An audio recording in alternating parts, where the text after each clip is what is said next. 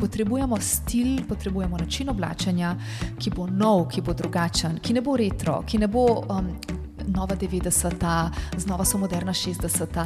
To so obdobja, ki smo jih že živeli, obdobja, ki niso nikdar več tako vznemirljiva, kot um, so bila, takrat, ko so se dejansko dogajala. Živijo, spet poslušaš Kozmo podcast in sploh ne moreš verjeti, kako me to veseli, da se vedno znova vračaš. Tako da upam, da si v redu. Jaz sem Ana Marija Lukovac in ta trenutek, ko tole snemam, je luna v raku. Kaj to pomeni, iskreno ne vem. Je pa mogoče zanimivo, da preveriš tudi ti, v katerem znamenju je luna na dan, ko poslušaš tale podcast. Kaj ti, naša tokratna gostja je Nika Brožič Urbas in povedala nam bo, zakaj je luna pomembna tudi za tvoje oblačenje. Ja, prav si slišala ne samo za tvoj karakter, značaj in počutje. Ona se namreč nikoli ne oblači po počutju, temveč raje kar po luni. Nika je prav posebna ženska, je popolnoma drug tip osebe kot jaz, ampak me prav navdušuje s svojo popolno predanostjo ljubezni, ki ima do mode, lepote, ličil, urejanja in neke splošne elegance in ekstravagance. V bistvu je eno izmed imen na slovenski lepotno-modni sceni, ki ji jaz absolutno zaupam in jo cenim, in tako posebna je, da se z njo sploh nisem mogla nehati pogovarjati. Ko me čakam, torej, da njem pogled na to, kako bi ženska dan danes morala dojemati oblačila in skrb zase, in kaj je prihodnost modne in lepotne industrije, slišiš tudi ti. Tako da, ja, you will want to hear this one, girl. Oživlja, lepo zdrav. Um, Kakšna je torej najna izhodiščna tema? Ja, torej, recimo, da bomo danes izhajali iz zelo zanimive teze, ki se bo marsikomu zdela eksotična. Uh -huh. To pa je, da se ne oblači le po občutjih, pač pa se oblači tudi po luni. To jaz še nisem nikjer drugje slišala, kot um, od tebe. Pa me zanima, kaj to pomeni oblačiti se po luni. Uh, skratka, luna ima na nas res velik vpliv. In uh -huh. uh, vsi vemo, da luna pravzaprav usmerja vode in uh, je, je mogočna do te mere, da ji tudi, seveda, ljudje ne uidemo. In uh, sama sem se pred leti začela posvečati vplivu Lune, pravzaprav še sama ne vem točno, kakšen je bil razlog, ampak začelo me je fascinirati to, kako Luna pravzaprav vpliva na, uh, na naša čustva in pa um, na našo komunikacijo, na interakcijo, ki jo imamo z drugimi ljudmi. Vsi vemo, da, se, da so nekateri ljudje bolj, uh, naprimer, osredotočeni ali pa morda celo bolj agresivni med polno luno. Uh mhm. -huh. Vsi vemo, da je prazna luna čas za nove začetke, kar dejansko drži. Takrat imaš res v sebi tisti, tisto željo potem, da bi mogoče z nečim začel znova. Uh, pa ne vsi bo to telovadba ali pa mogoče um, nova knjiga, ki jo odpreš, uh -huh. uh, ali pa kakšen bolj zahteven projekt. Uh -huh. no, uh, s časoma sem začela usmerjati pozornost tudi v to, da pravzaprav lahko s pomočjo luninih postov uh, prideš do tega, da svoje telo res lepo oblikuješ. Zato, ker luna, kot sem že prej rekla, ima veliko vpliv na vode. In uh, voda, ki se nabira v našem telesu, uh, ta, te vode se lahko zelo učinkovito znebimo, ravno če se lotimo oziroma lotevamo tako imenovanih uh, luninih postov. To ni noben uh, novodobni cigumigu, ampak je recimo uh, taka stvar, ki so jo prakticirale že naše babice. Uh, ženske so svoje čase prisegale na to in priznam, da sem tudi sama ljubiteljica tega obreda. Uh, Se tega poslužujem že vrsto let, no, ne pravzaprav ne vrsto let, recimo že kar nekaj časa. Ja. In uh, dosegam krasne rezultate, uh, zato ker se na ta način vedno učinkovito znebim tistega občutka zabuhlosti, uh, ki ga imaš včasih uh, v nogah uh -huh. uh, ali pa posod po telesu. Uh, no, In nekako vse skupaj vodi, seveda, tudi v to, da se potem samo še bolj poglabljaš v to, kaj ta luna lahko naredi. In opazila sem, da se uh, luna, ki se nahaja v določenih znamenjih, uh, projicira na, uh, v obliki našega okusa, smisla za oblačenje, uh, zelo specifično. Torej, kadar je luna naprimer, v določenem znamenju, kot je naprimer škorpion, ki velja za veliko uh, bolj težko znamenje, zahtevno, intenzivno znamenje, kot je naprimer tehnica, takrat bomo ljudje dejansko bolj nosili črno, bolj intenzivno oblačenje oblačila, želeli bomo poudariti to svojo globjo naravo. Uh, in uh, pasalo nam bo tudi kaj usnjenega, uh, kaj uh, zamoklega kaj resnejšega.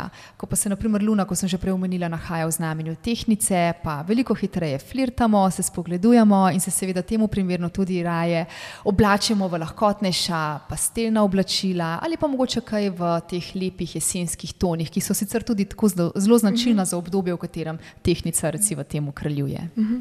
A potem vpliva tudi recimo to, kar se ti po luni, po horoskopu, na tvoj stil oblačenja? Morda, uh, naprimer, Te smem vprašati, kaj si ti po horoskopu? Tehnica. No, a, no, ravno, ko sem, ko sem jo omenjala. Uh, tehnica, seveda, če, takrat, če si uh, po horoskopu tehnica, boš takrat, ko, bo luna, ko se bo luna nahajala v znamenju tehnice, kar se dogaja približno dva do dva pa pol dni uh, na mesec. Uh -huh uh, definitivno čutila več samozavesti, čutila se boš bolj v elementu, boš pa tudi bolj občutljiva. Uh -huh. In uh, takrat prav gotovo posegaš po garderobi, ki bo še bolj izrazila tebe, ki bo še bolj pokazala tvoj pravi jaz. Takrat si boš tudi malce bolj upala in boš v okviru tega, kar je v okviru recimo estetike, ki jo radi pripisujemo tehnicam, izbirala oblačila, ki bodo še toliko bolj pokazala uh, prav to, uh -huh. ne, ta, ta, to značilno estetiko oziroma okus, um, uh mhm. -huh. lepoto, ki je značilna za to znamenje.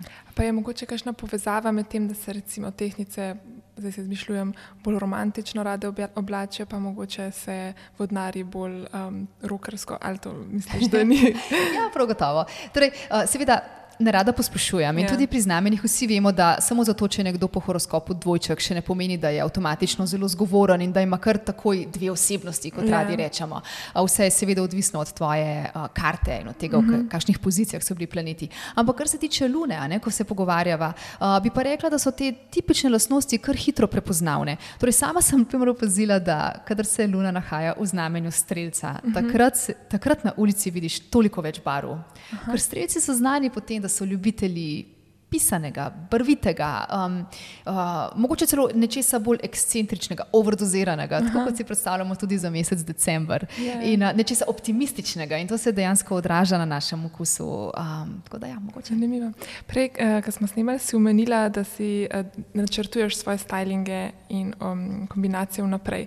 Kako to zgleda natančno in kako luno vključuješ v to um, načrtovanje? ja, uh, torej, ne poudarim, da uh, luno pravzaprav jemljem jemljem kot en tak dodaten ščepec v mojem oblačenju. Torej, nisem tako stroga, da bi imela recimo na steni lunin koledar in Aha. bi gledala natančne pozicije lune, ampak približno bom pa vedela, kje, kje smo. Ampak, ko pride do samega načrtovanja stylinga, sem razvila način, ki se mi zdi zelo praktičen in mi res pomaga pri, uh, v mojem življenjskem stilu, zato ker, uh, oziroma pri grajenju, pri ohranjanju mojega življenjskega stila. Zato, ker imam zelo, kot sem že, kot že toliko krat rada rečem, zelo dinamičen urnik uh, in uh, rada sem lepo urejena, ob enem pa nisem nisem jutranja ptica, torej jaz spim, dokler le lahko. Uh, in navadno itak spim premalo. Tako da si jutra rada rezerviram za vse ostalo, kot pa za izbiranje stylinga. Um, pravzaprav mi veliko več pomeni, če, lahko, če imam zjutraj, naprimer, pol ure viška, potem rada strmim skozi okno in ne mislim na nič. Na ta način se, prihrani, se uh, pripravim na dan, ker se mi zdi, da je tako resetiranje misli zjutraj res čudovita stvar, uh, ker se v bistvu očistiš vseh strahov, ki jih mogoče že od prejšnjega dneva, če si v stresnem obdobju prineseš seboj v mhm. naslednji dan. Um, tako da v bistvu rada naredim tako, da na začetku, torej to je čisto praktično, na ja. začetku sezone ali pa pred začetkom sezone bom odprla svojo veliko omaro in oblačila, za katera si želim, da bi jih tisto sezono nosila, zložim na posteljo ali pa na enega od stojal za obleke, ki jih v mojem stanovanju kar nekaj. Uh -huh. uh, poleg tega imam vedno na uh, kakšnem stojalu eno posebno mesto za novimi kreacijami, novimi oblačili, ki se mi pred sezono že uh, rada naberajo. Uh -huh. Tako da, imam, tako da v bistvu na grobo sestavim kolekcijo seznam oblačil, ki jih pač v tisti sezoni hočem nositi. Uh -huh. To skombiniram z oblačili uh, iz svoje zbirke, ki je številčna, in uh, tako sestavim kombinacijo, ki se mi zdi takrat optimalna. Uh, temu seveda vedno dodam čevlje. Dosti krat v bistvu izhajam iz čevljev, uh -huh. uh, ker se mi zdi to vedno temelj vsakega dobrega oblačenja. Dober par čevljev naredi vse. Uh, oziroma, če je že oblačilo, mogoče ni najnovejše, ali pa mogoče uh, seveda ni dizajnersko, ali pa kakorkoli mogoče ni v najboljši formi lahko z dobrimi čevlji naredite tako tis, da ni za verjeti. Tako da vedno čevlji morajo biti zraven, potem pa seveda. Uh, styling za stylingom zložim na posteljo, to počnem več dni skupaj, to je res en tako užitek. Uh -huh. Takrat nisem toliko dosegljiva in si rada vzamem ta čas zase, kot bi šla na en tak dopust kreativni. Uh, temu dodam dodatke, nakit, lak za nohte, določim parfum, perilo, tip frizure, make-up, ki ga preskiciram. In uh, ta, se pravi, ko receptura funkcionira, potem pa to vse skupaj lepo zapišem. Tisti, ki se ukvarjajo za modo um, poklicno in to lepo poslušajo, bodo seveda v tem prepoznali tipično delo, tipično opravilo stilista, ker stilist se pred modnim snemanjem načeloma pripravlja natančno na tak način, vsaj tisti pridni, disciplinirani stilisti, ki ne radi improvizirajo na samem setu svetu. Uh, in seveda, ker sem tudi sama iz industrije, ne, uh -huh. če uporabim ta izraz, uh, sem se navzela točno te tehnike, ki se mi zdi najbolj praktična, najbolj efektivna in pa najbolj decentna. Uh -huh. Kaj pa se zgodi, če si recimo uh, stiliraš nek uh, video za zjutraj, pa se zjutraj počutiš drugače? Ali se to kdaj zgodi? ja, jaz pravzaprav, uh, mogoče bo zanimivo, ampak jaz se po občutju ne oblačim. Uh -huh. torej, jaz se v bistvu zelo redko počutim samo romantično ali pa mhm. samo veselo. Načeloma svoje počutje dojemam tako kot svojo osebnost, zelo slojevito. Torej, če sem, na primer, kdaj znervirana, rečem, yeah. Ja. to še ne pomeni, da nisem srečna. In a, če se, na primer, kdaj počutim bolj resno, bolj osredotočeno, kljub vsemu še vedno v sebi čutim sloje koketnosti, veselja. Skratka, oblačice samo po občutju se mi zdi a, nesmiselno, ker, mhm. a, ampak govorim le zase. Zato, ker ne želim, da občutja diktirajo moje oblačenje. Moje oblačenje je izraz mene kot celovite osebnosti. Občutja se pa spreminjajo iz minute v minuto, uh mhm. -huh. iz ure v uro. In uh, želim, da je oblačenje kljub vsemu bolj večplastno, bolj slovito kot pa tisti vzgib, ki sem ga začutila zjutraj. Deloma tudi zato, ker zjutraj nisem tako razpoložena, kot sem mogoče potem čez dan. Moj najljubši čas je večer, uh, takrat sem v svojem polnem elementu, pa ne zato, ker bi se takrat čele zbudila, ampak takrat res čutim sebe kot celoto. Čez dan pa uh, je moje počutje dosti krat uh, se usmerja po raznih vzgibih, ki jih določajo opravila uh, in uh, se mi zdi, da se v bistvu veliko bolj splača oblačiti po na podlagi tvojega okusa, uh -huh. torej na podlagi vizije, kakšen res želiš biti. Zato si jaz v bistvu uh, tudi toliko raje uh, sestavim oblačila prej, kombinacije prej, zato ker takrat sem neobremenjena. Neobremenjena z uro, z opravili, sama seboj, padem v svoj zen in v bistvu ustvarjam kombinacije, ki odsevajo najboljšo različico mene. Torej, ta, te kombinacije takrat so sestavljene na podlagi tega, kdo v resnici sem, kakšen je moj domišljijski svet, kakšen okus imam. Uh, veliko mi pri tem pomaga Luna, seveda, ko razmišljam, naprimer, kaj bom oblekla naslednji dan. Vem, da imam pred seboj pomemben sestanek, pa vem, da je Luna v devici. Potem vem, obenem, da je bolje, da ne, da ne oblečem kaj preveč koketnega, mhm. preveč uh, romantičnega, preveč vznesenega. Zato, ker bom mogoče s tem ustvarila napačen vtis. Posegla bom po nečem, bolj klasi, izčiščenem, res estetsko zelo izpopolnjenem, dovršenem, obenem pa mogoče bolj minimalističnem, da ni, da ni nepotrebnih mm -hmm. dodatkov. Um, tako da, ja, to, mi, to mi definitivno pomaga. Kar se občuti tiče, jih pa dosti krat ignoriram mm -hmm. pri oblačenju. torej, če, se recimo, če si doma, pa se recimo bolna, se ne počutiš dobro, res se sploh ne morem predstavljati, a si kdaj neurejena ali pa da se ne, tako, ne daš. Um, misli na to, kako se boš pa oblekla. Kako si pozorna, hvala. Res, res, sem, res sem prav počaščena, da, me, da si me predstavljaš tako, ker seveda tako kot vsi drugi ljudje, um, kot vse ostale ženske, imam tudi sama um, trenutke, ko se mi ne ljubi, ko nisem v elementu, uh -huh. ko mhm. se ne počutim najbolj, najbolj podobna sebi in uh, če se ne počutim dobro, potem, vsekakor, potem se mi to vsekakor pozna. Uh -huh. uh, Je pa res, da doma, torej doma ne nosim ličil, uh -huh. uh, razen seveda, če se spravljam k snemanju kakšnih storijev, pa želim ustvariti res lepo vsebino. In čeprav takrat nikamor ne grem, bom še vseeno poskrbela, da bom uh -huh. tako urejena, kot želim izpasti. Če sem pa cel dan doma, torej pa naprimer, da imam pred seboj samo delo na računalniku, da ne grem nikamor, potem se pa zelo rada um, poslužujem zredno izčiščenega, minimalističnega načina oblačenja, uh, ki ne vključuje ličanja, zato ker rada vidim, da moja koža počiva. Uh, seveda bom poskrbela za to, da bo moja prečeska lepo počesana, da ne bom hodila naokoli z razcufanimi lasmi. Mm. Ampak to je del vsakdanje, del osnovne nege. Ampak um, tudi nohte imam seveda vedno lepo urejene, to je moja stvar, to mi veliko pomeni ni, tako da doma z okrušenimi nohti ne hodim, mm -hmm. oziroma lakom ne hodim.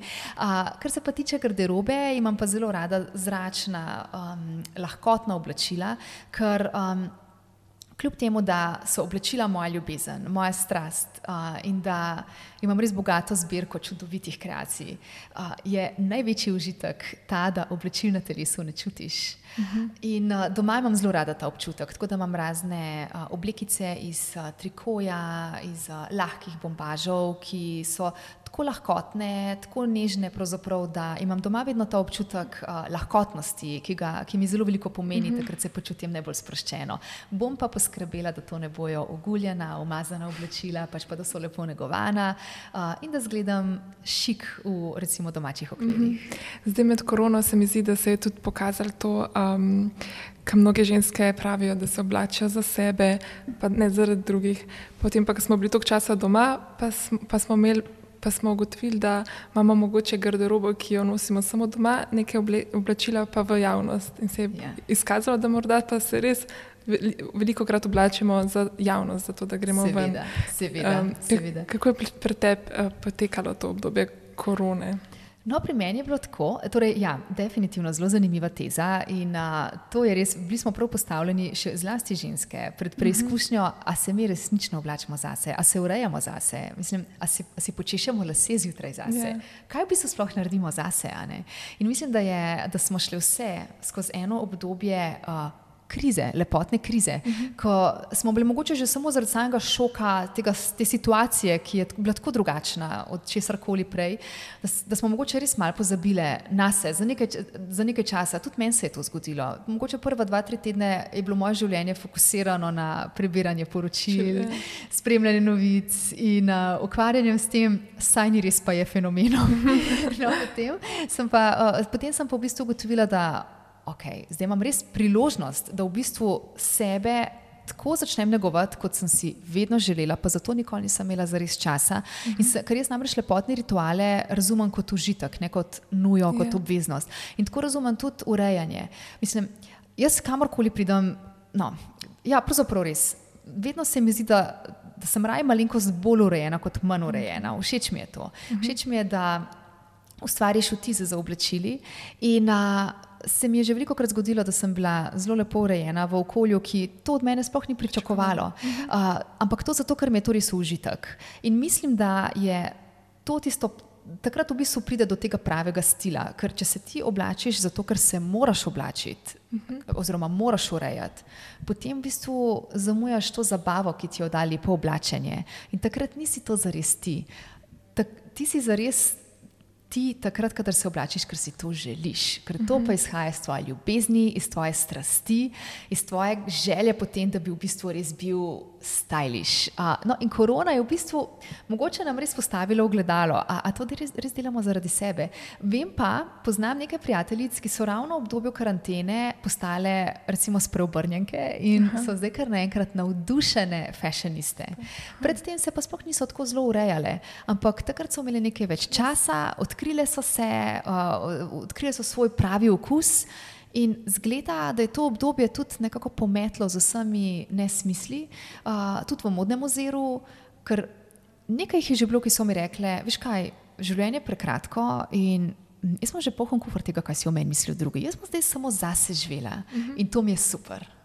Tako da verjetno, verjetno je. Um, Verjetno nam bo to leto tako dalo misliti, si predstavljam. Uh mhm. -huh. Upam pa, da bo marsikatera ženska spremenila svoje nakupovalne navade, uh mhm. -huh. investirala res v prave kose in jih nosila, ne da jih bodo veseli v Mari. Ker uh, vse vemo, kaj se dogaja z res lepimi kreacijami. Kupimo jih, investiramo v njih, potem se nam pa mnogo krat zdijo preveč posebne, preveč zahtevne, mhm. preveč izstopajoče in potem visijo v Mari, mi pa posegamo po oblačilih, ki so bila malenkost cenejša in nam jih ni škoda. Uh mhm. -huh. Ne nam bo ta, to obdobje uh, nauk, da oblačil ni škoda, lepih oblačil ni škoda. Škoda jih je edino, če jih ne nosiš. Takrat niso v funkciji in stagnirajo. Mhm. To, to, s tem jim delamo še največjo škodo. Lepe kreacije, še zlasti tiste, ki nekaj več stanejo, tiste prave iz pravih yeah. Ja. materijalov, so narejene z namenom, da živijo s teboj. In tudi, če se malce ugulijo, enako velja za čevlje. Yeah. Ja. Tudi, če kakšna nitka izstopi, ni problema to se je zgodilo v trenutku, ko si jo imela na sebi in je del tvoje zgodbe. Spreminja se s tvojim telesom, izoblikuje se še lepo nošenju. To v tem je catch, v tem je pravi smisel mode. Tako da -hmm. nosite oblačila, naj vam jih ne bo škoda. Uh, kaj pa to, kar se je zdaj enako v tem času korone, uh, se mi zdi hkrati zvišalo nakupovanje po spletu, obenem pa mogoče ne, ne kupujemo, nismo kupovali toliko oblek, kot bi jih sicer.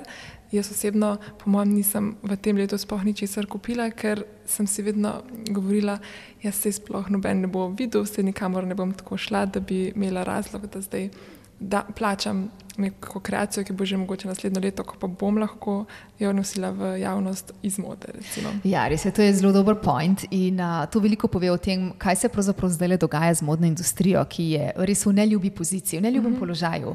Ampak mislim pa, da je bilo to, naj zveni še tako kruto, res nujno, ker to bo pravzaprav rešilo modno industrijo. Modna industrija se je namreč znašla v situaciji, kjer se je začela ponavljati, uh, v bistvu je začela kopirati samo sebe in postale karikatura same sebe. Tako da uh, razlog, zakaj ne kupujemo toliko oblačil, je ta, da nas pravzaprav. Ne vemo, kaj nas trenutno fascinira. Iščemo se kot potrošniki. Uh mhm. -huh. Obstajajo čudovite znamke z fantastičnimi kosi, ki prav zdaj prihajajo do izraza, um, ker jih lahko izpostavljamo ravno v tem obdobju vakuma. Recimo.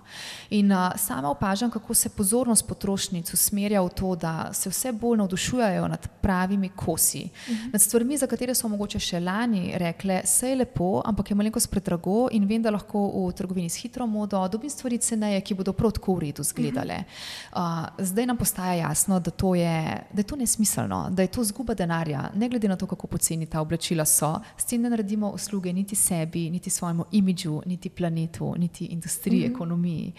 Uh, tako da sem vesela, da, stopamo, da smo ravno na prehodu, torej stopamo v novo obdobje, ko bo modna industrija ne samo dala večji poudarek kakovosti in večjo pozornost usmerjala v oblačila, ki si to zaslužijo, pač pa bomo tudi ravno zaradi te krize, v kateri smo se znašli, prišli do novih gibanj, do nove estetike, novih trendov. Namreč po vsakem prelomu če gledamo zgodovinsko, se vedno rodijo nova umetniška gibanja, ki za sabo seveda potegnejo nove trende, novo estetiko in to je nujno. To v modni industriji resnično potrebujemo. Mm. Potrebujemo stil, potrebujemo način oblačenja, ki bo nov, ki bo drugačen, ki ne bo retro, ki ne bo. Um, Nova 90-ta, znova so moderna 60-ta. To so obdobja, ki smo jih že živeli, obdobja, ki niso nikdar več tako vznemirljiva kot um, so bila, takrat, ko so se dejansko dogajala. Ja, ja. Potrebujemo nove stile in to se rojeva prav zdaj.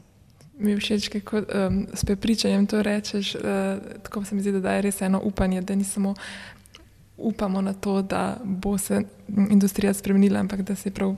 Pripričano, to, to Vsekakor. Super, to je neizogibno. Seveda, moj optimizem je pravzaprav tu z namenom, mhm. -huh. oziroma ja, je z namenom, pa tudi ima težo. Torej, želim sporočiti, da stvari niso tako črne, kot se zdijo. Yeah. Ja. Uh, Obenem pa uh, sem tako prepričana v to, zato ker. Torej, poglej, moda je izraz življenja. Z modo dejansko sporočamo, kdo smo. In moda je odsev tega, kar se nam dogaja.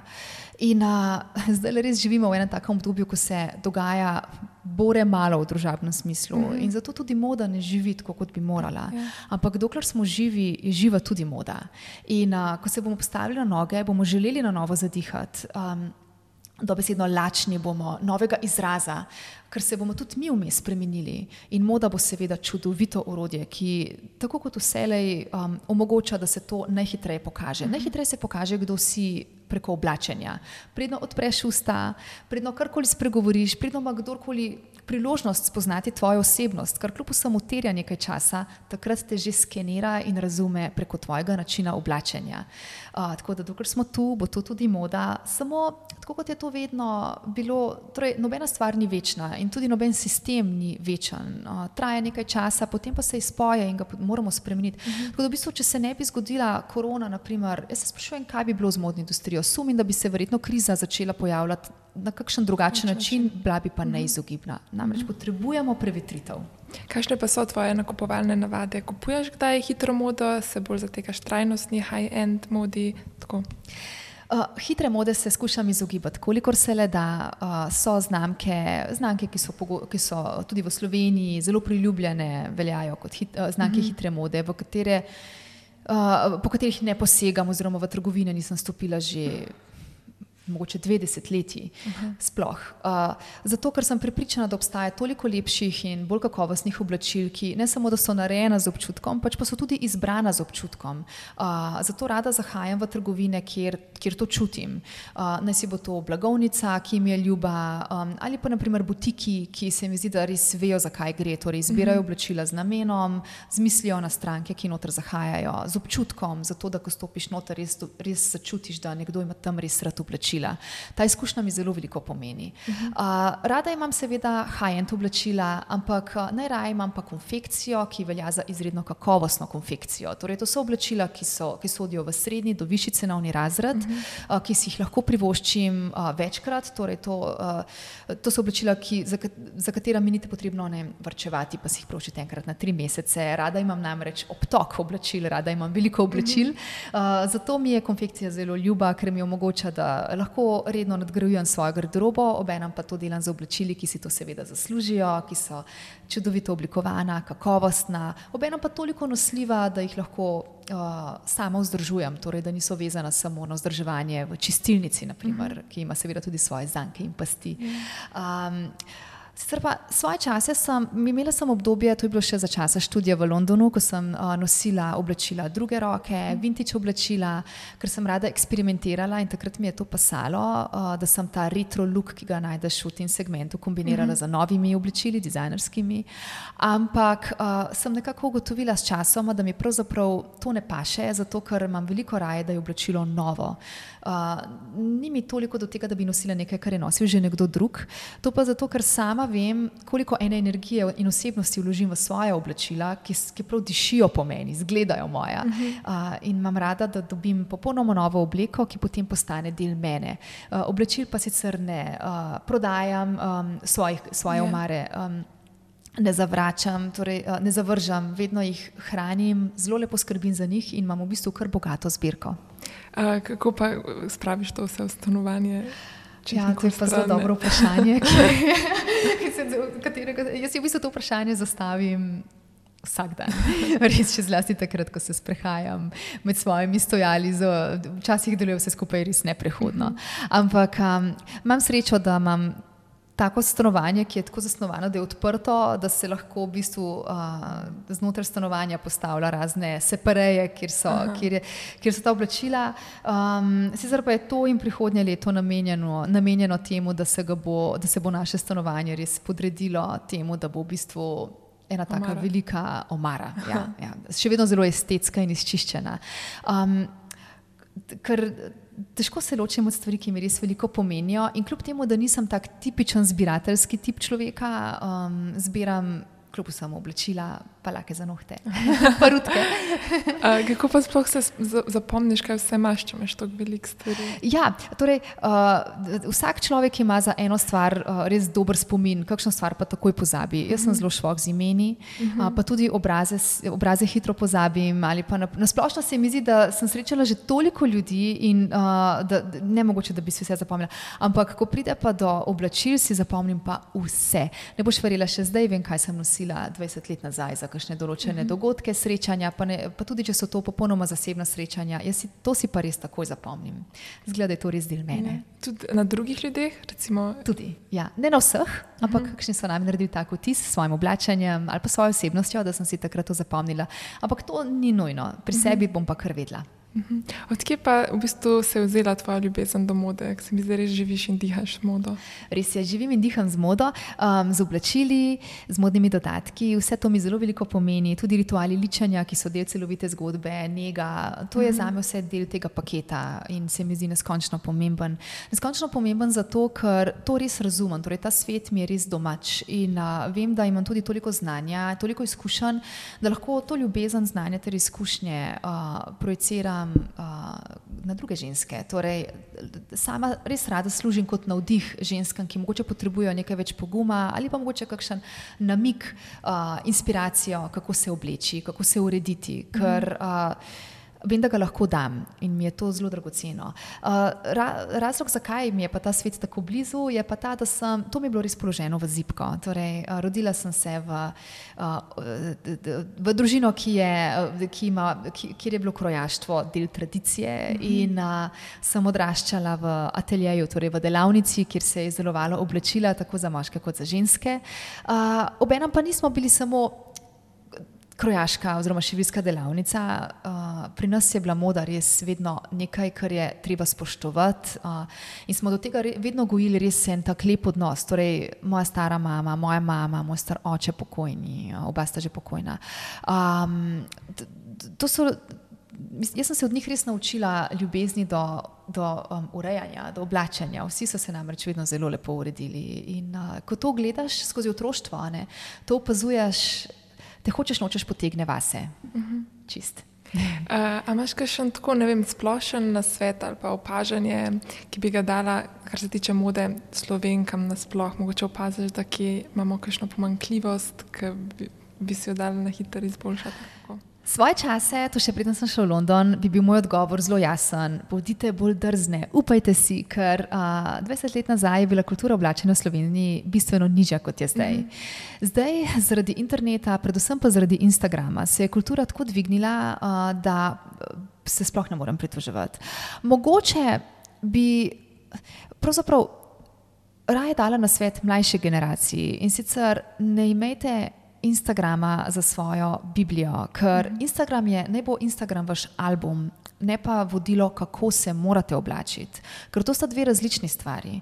Najlepše je, če, se, če, se, če v bistvu odmisliš vse, izhajaš iz sebe ali pa mogoče iz kakšnega navdiha, ki ga najdeš v knjigi o umetnosti, filmih. Um, v kakšnih romanih, um, v naravi, kjerkoli, ampak posod druge kot striktno na Instagramu. Ker Instagram je čudovit pokazatelj tega, kaj si ustvaril, uh, ampak fino je, da to ustvariš brez pritiska, da moraš slediti določeni formi, določeni recepturi, ki jo tam najdeš. Ker s tem v bistvu uh, s tem nagovarjam predvsem mlajšo generacijo, ker uh, ko ženska postane bolj zrela, potem v bistvu se začne vse bolj ukvarjati sama s sabo, svojim lastnim okusom. Um, Medtem ko pa mlajša generacija potrebuje eno vodilo, potrebuje nek vzgib, nek navdih. -huh. In uh, sama sem imela res uh, to srečo, ne, da sem se kot uh, fashionista uh, razvijala še v obdobju, ko Instagrama seveda še nismo poznali. Tako da sem v bistvu za svoj navdih imela druge stvari. Všeč mi je bilo obdobje baroka, rokokoja, 20 let, egipčanska moda, zgodovina oblačanja mi je bila res neskončno pomembna. Všeč so mi bile ikone, ki sem jih videla v filmih, všeč mi je bil način oblačanja, ki sem ga v svoji glavi domišljijsko ustvarila na podlagi kakšnega lika, ki sem ga oboževala v romanih in tako naprej. Skratka, domišljija mi je delala na polno in nisem bila obremenjena uh, z drugimi. Torej, pravzaprav metoda si obremenjen s trendi sploh ne moti tako zelo, ker trendi so neizogiban del našega življenja in hočeš nočeš jim podležemo, mm -hmm. tako v kulinariki kot pri izbiri potovanj, uh, kaj šele pri oblačenju. Mm -hmm. To se mi zdi logično. Um, in trendi tako ali tako jih filtriramo. Uh, zelo redki so ljudje, ki bodo sledili trendom tako brez glave, da bodo res uh, izgledali vem, uh, kot um, recimo, modne žrtve. -huh. Ampak gre bolj za to, kakšen navdih si jemliš, kakšen je tvoj, kakšen je tvoje, kakšen je tvoj core, torej tvoja baza, odkje izhajaš. In res bi rada, da to ne bi bil izključno in samo Instagram. Naj mlada generacija pobrska še malce globje in razišče sebe in to izrazi na bolj kreativen način. Pot potem pa to pokaže na Instagramu, ker na ta mhm. način bo Instagram res zaživel tako, kot mora. Mhm. Kako pa se je tvoj okus pa stil spremenjal skozi leta? Uf, kar precej sem se spremenjala. Torej, sicer vedno je obstajala ena rdeča nit, odnegdaj mi je bil všeč damski stil, uh, retro look, šik dam iz 50-ih let, še prej 30-ih, 40-ih mm -hmm. let prejšnjega stoletja. Se mi je zdel vedno zelo fascinanten. Tudi 60-ta leta, 70-ta imajo svoj glamour, ki, je, uh, ki v bistvu vedno izraža na tako damsko, žensko in to se mi je zdelo neskončno lepo. Um, poleg tega je v meni vedno nekaj klasike, ki me na ta način vedno opomni spomni na svoj obstoj, uh, torej skozi občudovanje teh klasičnih podob. Ampak, ker pa sem seveda uh, že od malega zaprisežena modi, pa sem uh, prav zavestno uh, sebe vedno uh, v mladosti vzela kot en tak, recimo temu, eksperiment. Uh, tako da sem raziskovala različne načine oblačanja in uh, temu seveda podrejala tudi svoj okus. Uh, poleg tega mi je veliko stvari všeč. Torej, uh, so ženske, ki imajo jasno začrtan okus za parfume, za lake za nohte.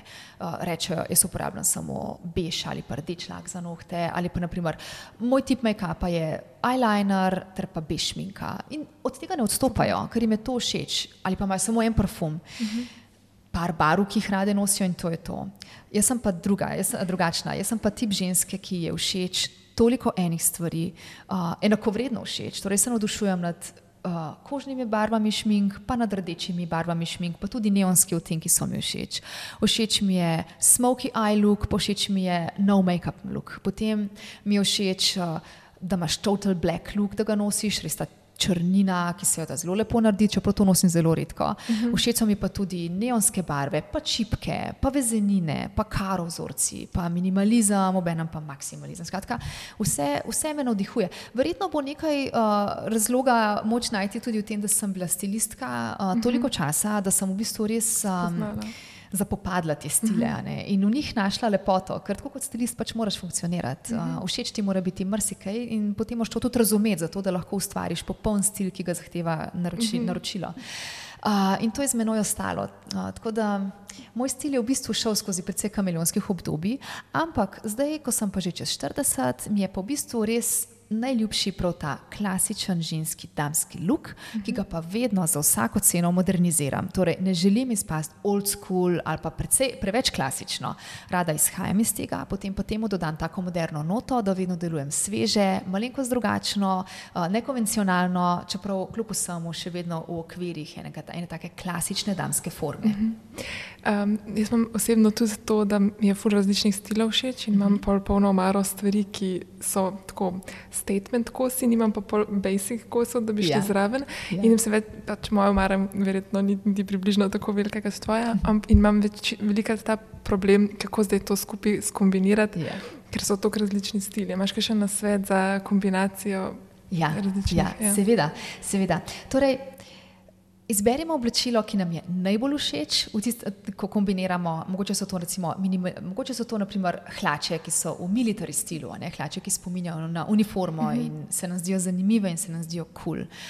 Zdaj bi pa rade tem hlačam dodali nekaj drugačnega, nekaj nekonvencionalnega. Pomislimo na nekaj najbolj nasprotnega tem hlačam. Naprimer, da bi bil to na prvo žogo top iz čipke, ne, uh mhm. -huh. nekaj, nekaj dihtečega pa da imamo to skupaj.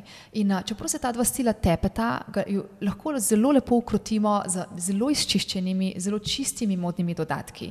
Torej, ko eksperimentiramo z stili, ne, z različnimi svetovi, potem, in če govorimo o oblačilih, ne, potem ne bodo modni dodatki tista, tista protivtež, torej tisto, tista streznitev, ki ga tak stil potrebuje, zato da bodo v bistvu lepo neutralizirali vse skupaj in stvar ne bo preveč kričeča. Mhm. Če si, na primer, zamisliva ravno ta luk, ki sem ga omenila, ne, hlačev vojaškem slogu, čipkast top, mogoče nekaj belega, uh, barve morajo pasati skupaj, tukaj yeah. ni ja. debate. Potem, naprimer, zraven lepo vidim izčiščene salonarje, naprimer, mogoče rdeče, tako da so res čistih forum, lepa klasična peta ali pa gležnari iz lepega čistega usnja, lepa klač torbica, ki ima spet strogo linijo, je v njej nekaj geometričnega, tako da v bistvu lepo izčisti vse skupaj, lepo počesana pričeska, mogoče taka v strogem slogu, zato da so v bistvu je obraz odprt, tako kot naprimer, -hmm. to, tako kot naprimer zgledajo modeli na modnih pistah Georgea Armanija. Um, res lepa, čista pot, ter pa seveda lag za nohte, ki ne bo glitter, ne bo imel kakšnih kristalčkov, ampak bo naprimer v kakšnem takem inteligentnem, temno-rjavem odtenku ali pa mogoče nekaj črnega, kožnega, tako da bo vse tako šik, kot se da. Oh, super, hvala. Uh, a si imela kdaj v tej svoji zgodovini preizkušanja tisočenega stila in oblačila, kaj še modni kiks, ki se ga še zdaj rada spomniš? Ja. O, brez skrbi, brez skrbi. Mogoče sem imela jaz največ modnih kiksov od vseh.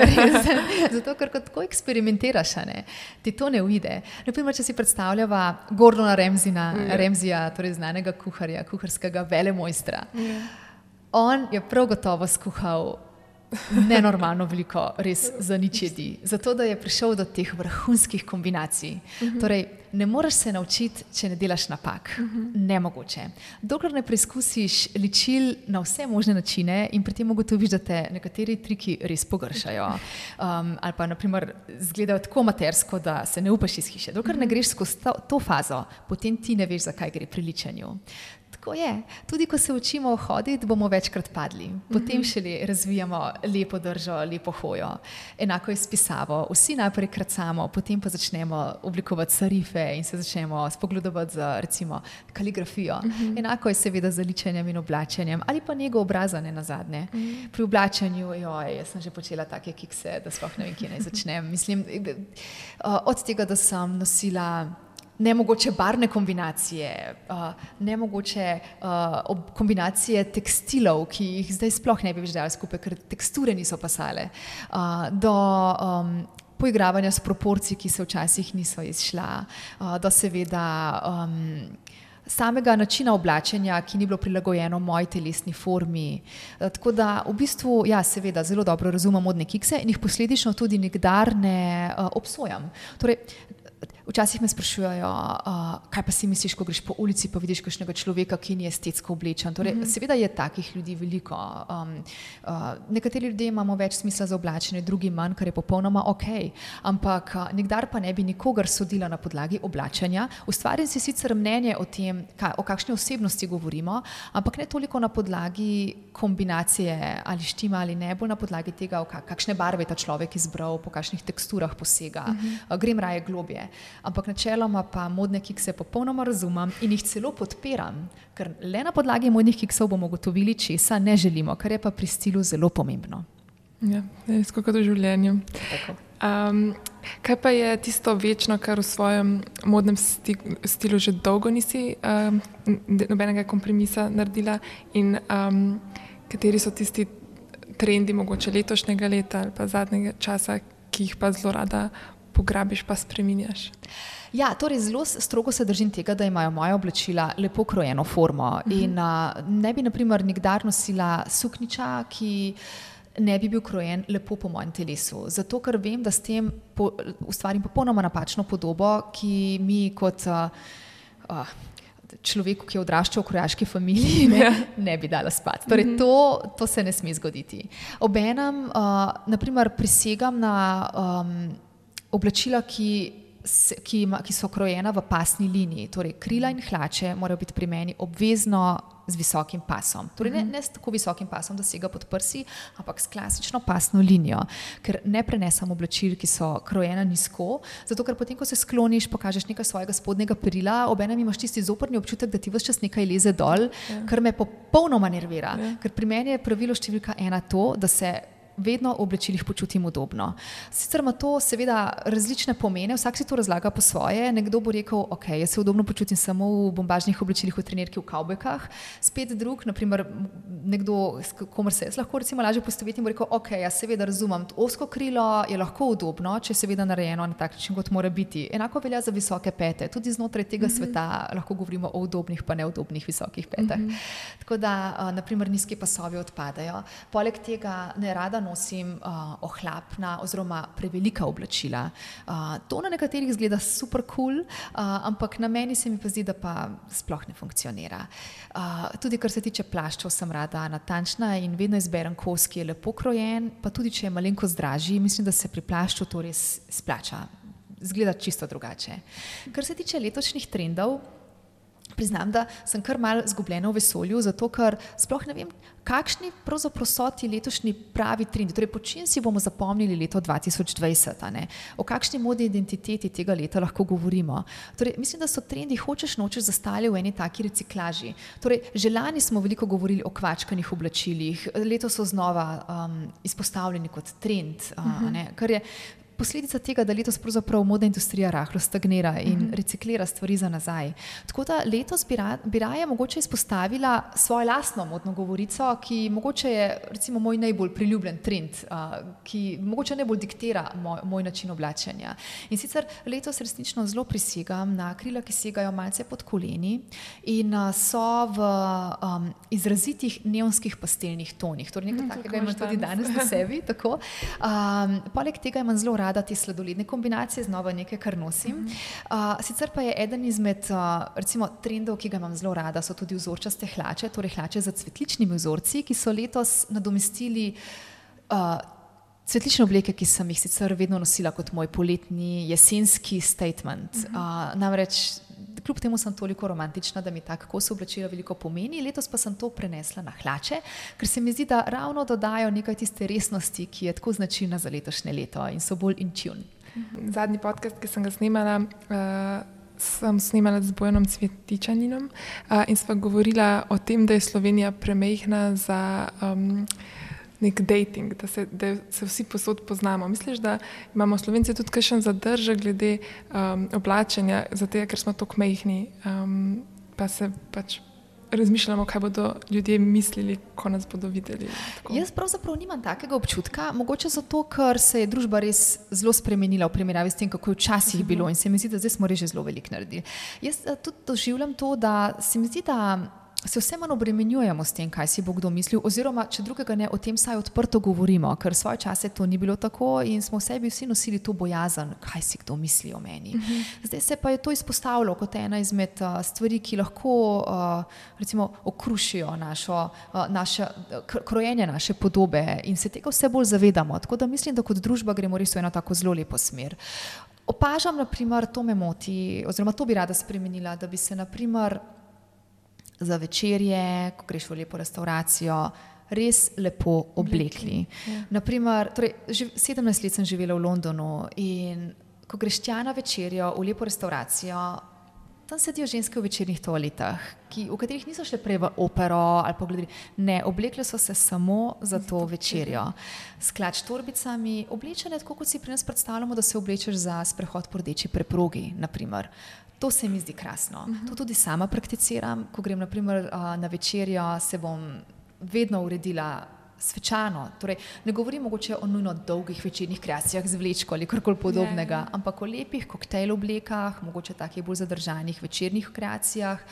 Um, in temu seveda primerno izberem tudi na kit in se naličim. Zato, ker se mi zdi, da je že to lahko dovoljšen razlog za to, da v svoje življenje vneseš nekaj glamurja. Uh mhm. -huh. Res je to samo večerja, ampak kljub vsemu je to dogodek, kjer se z nekom dobiš, uh, ki traja tri ure in ga lahko narediš še bolj zanimivega, še bolj imenitnega.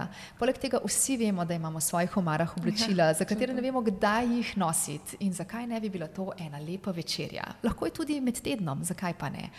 Um, Opazila sem naprimer, tudi, da se v Sloveniji ne pojavljajo po ulicah eh, fantje z kravatami, pa metuljčki, mhm. šopki, rož in oblečeni res v imenitne obleke, ki bi se odpravljali na zmenke.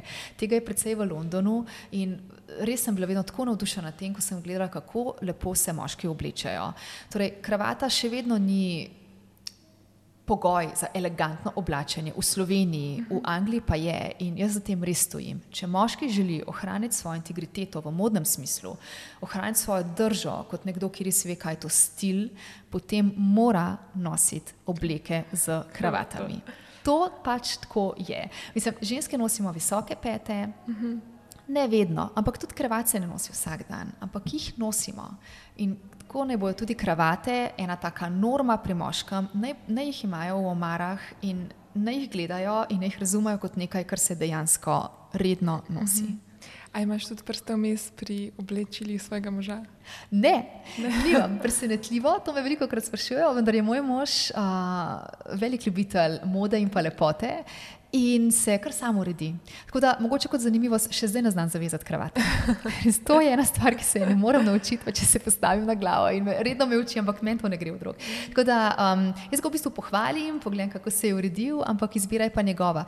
Mogoče kdaj, ko se odpravljava na nekakšen dogodek, kjer uh, sva skupaj, uh, me bo on poprašal, kakšno obleko bom imela, ali pa jaz njega poprašam, kakšno kravato bo imel, zato ker si res ne želim, da bi bile najne. Ker, da, bi se, ne, da bi se preveč ujemale. Aha, se- Ja, ne, želim, z- ne želim nositi naprimer, rdeče obleke in potem bi on stal zraven z Rdeči. rdečo kravato.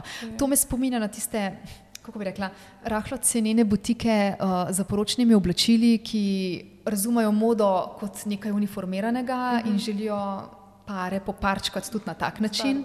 Ampak o tem res ni štos. Vsak ima svojo govorico, zato želim, da v bistvu pašava skupaj, ampak na bolj inteligenten, bolj diskreten način. Uh -huh. naprimer, mogoče preko vzorca, preko teksture, ali pa, naprimer, ko sem imela rdeča oblika, naprimer, v tem primeru bi njemu verjetno izbrala kravato v kakšni breskovi ali pa koralni barvi, mogoče v nečem, uh, recimo violastem, nekaj takega, kar se lepo ujame s tem odtenkom, ni pa nujno isto. Naprimer, takrat se pozanimava, drugače Ja, pa kar pustim, ja, ne dela, kar hoče. Ja.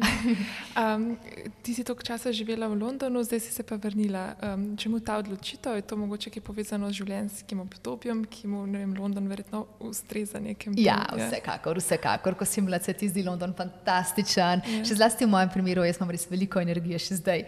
In uh, lahko si predstavljaš, kako je bilo, ko sem bila stara 25 let, mene je razganjal. In sem res hotela biti del tega glamurja, tega središča, kjer nastaja vse, trend, trendi, kultura, uh -huh. oblikovanje. No, um, Potem smo pa s časom z možem ugotovili, da pravzaprav smo res postali že tako domača, da um, nam je začela, bolj smo se začela usmerjati v vprašanje o kakovosti življenja. In uh, London mogoče tukaj res zaostaja za Slovenijo, ker v Sloveniji res lahko živiš čudovito, mirnejše življenje, uh, brez da bi bil vse čas uh, pod pritiskom te dinamike, ki jo od tebe terja London. Torej, tu je vse na dosegu roke, manjše razdalje so, zrak je bolj čist, hrana je fantastična uh -huh. in a, ne na zadnje imaš več priložnosti za druženje, ki, je nama, ki ga je nama že kar konkretno manjkalo, zato ker v Londonu so bila tako upeta v projekte in v delo, da se je to precej poznalo na najnem družabnem življenju. A, pa to je še vse nekako šlo, samo ko se je začelo govoriti o Brexitu in o tem, kakšna bo pravzaprav uh, klima v Londonu, potem ko se bo Brexit zgodil, smo predvideli, da nam mogoče to ne bo najbolj všeč. Želeli so ostati del Evrope, ker se čutiva bolj evropejca kot angliža. In uh, sva se v bistvu kar hitro odločila, da je mogoče res čas za nekaj prelomnega. Poleg tega, ko se enkrat odseliš drugam, Potem si začel s tem in potem se ti selitev ne zdi več tako bav-bav. Torej, mi smo se selili mogoče sedemkrat, osemkrat znotraj Londona, ampak je tako veliko mesto, da imaš občutek, da si se res na en drug konec sveta preselil. To je deset milijonsko mesto z blaznimi razdaljami. Um, tako da je tudi proces selitve kompleksen in uh, kar stresen. Uh, tako da se nam v bistvu selitev v Slovenijo, se nam je zdela samo še ena od selitev. Je pa res, da zdaj, ko smo tu, Glede na to, da so videla cel svet praktično, jaz priznam, da nimam sploh nobene želje potem, da bi se odselila še kam drugam. Mislim, da bom ostala kar nekaj časa še tule in to v bistvu lahko rečem tudi za Matjaža. Tudi sam nima neke želje potem, da bi, da bi ga mikala kakšna uh, država, naprimer do te mere, da bi se tja preselila.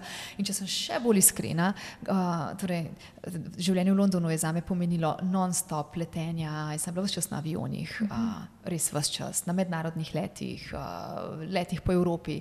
Moje življenje je bilo šest let v bistvu v kavčku in sem se tega tako prenajedla, da mi že sama misel na to, da bi morala zdaj leteti na drug konec sveta, se mi zdi kar naporna. Tako da meni res tako paše biti lokalna, da res Ja, ja. se, spreha, se, v bistvu se premikati znotraj Slovenije za časa karan, uh, uh, korone mi niti ni tako traumatično, kot mogoče komu, ki mu to zdaj res že manjka. Jaz, jaz, sem, jaz sem za nekaj časa ok.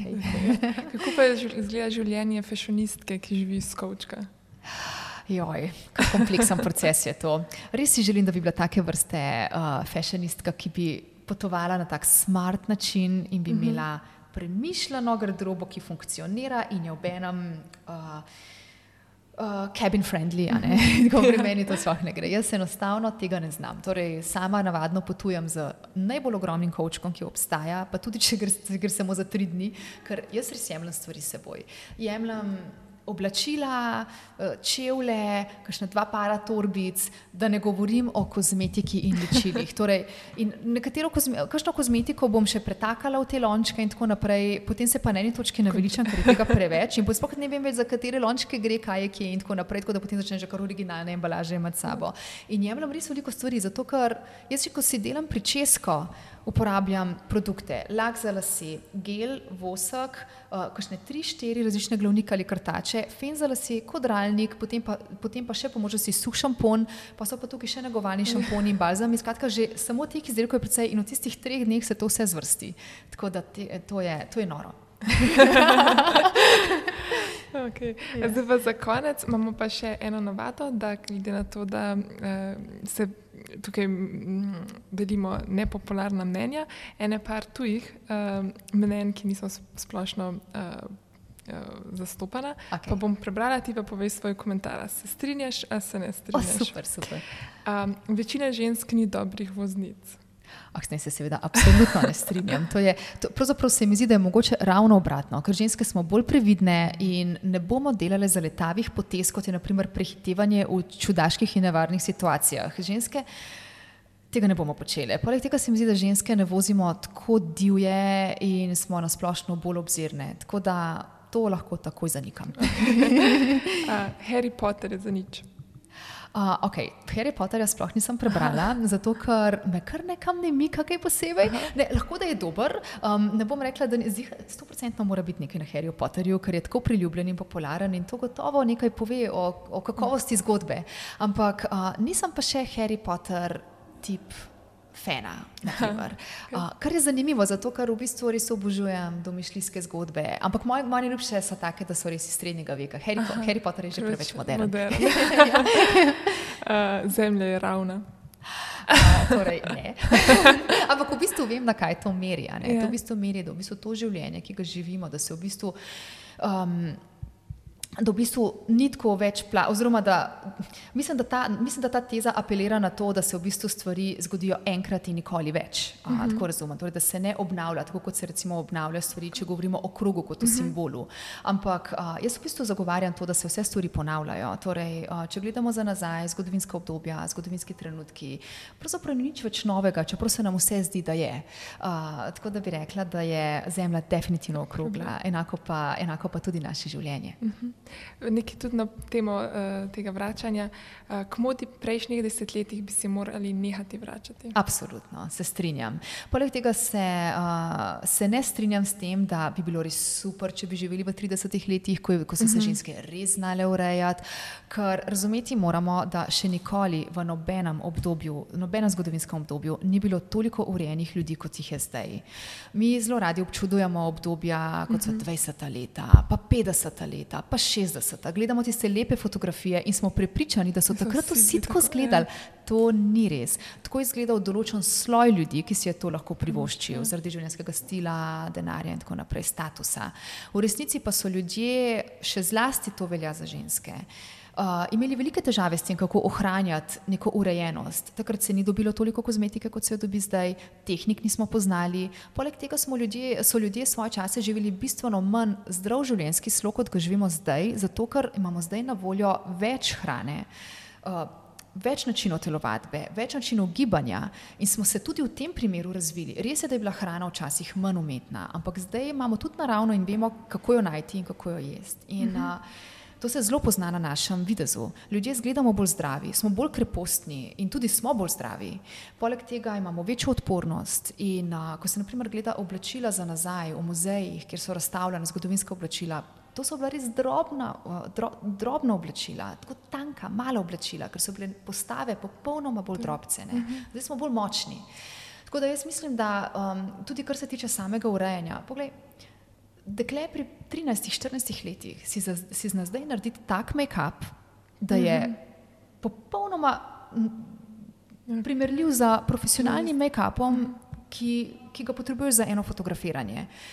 Mlada dekleta ve vse o bronzerju, pa o um, modeliranju obraza, highlighterjih, tehnikah ličanja. To se v zgodovini ni dogajalo. Uh mhm. -huh. Poleg tega, naprimer, če gremo na deželo, bodo tam ženske z manikiranimi nohti, uh, z kožo, ki, je, ki ima očitno na sebi kremo, dve. Včasih to ni bilo tako. Včasih ženske sploh niso uporabljale krem. To je veljalo samo za meščanke, uh -huh. pa mhm. še to ne nujno. Govorimo o uh -huh. stotih, ja. dvestotih let nazaj. Osebna higiena je bila svoje čase zares zelo na psu. In uh, mislim, da moramo razumeti, da časi, ki jih živimo zdaj, so nam res naklonjeni. Res veliko ljudi izgleda čudovito. Uh, tako da mislim, da bi lahko že enkrat pozabili na zgodovinska obdobja in začeli raziskovati lasten slog, ki bi bil prilagojen modernim našim časom in bi v bistvu gledal naprej, ne pa nazaj. Uh -huh. Ok, potem bomo pa kar na tej točki, po mojem, zaključili. Hvala ti, da si um, prišla podeliti svoje znanje in um, mnenja, pa se slišimo v naslednjem podkastu.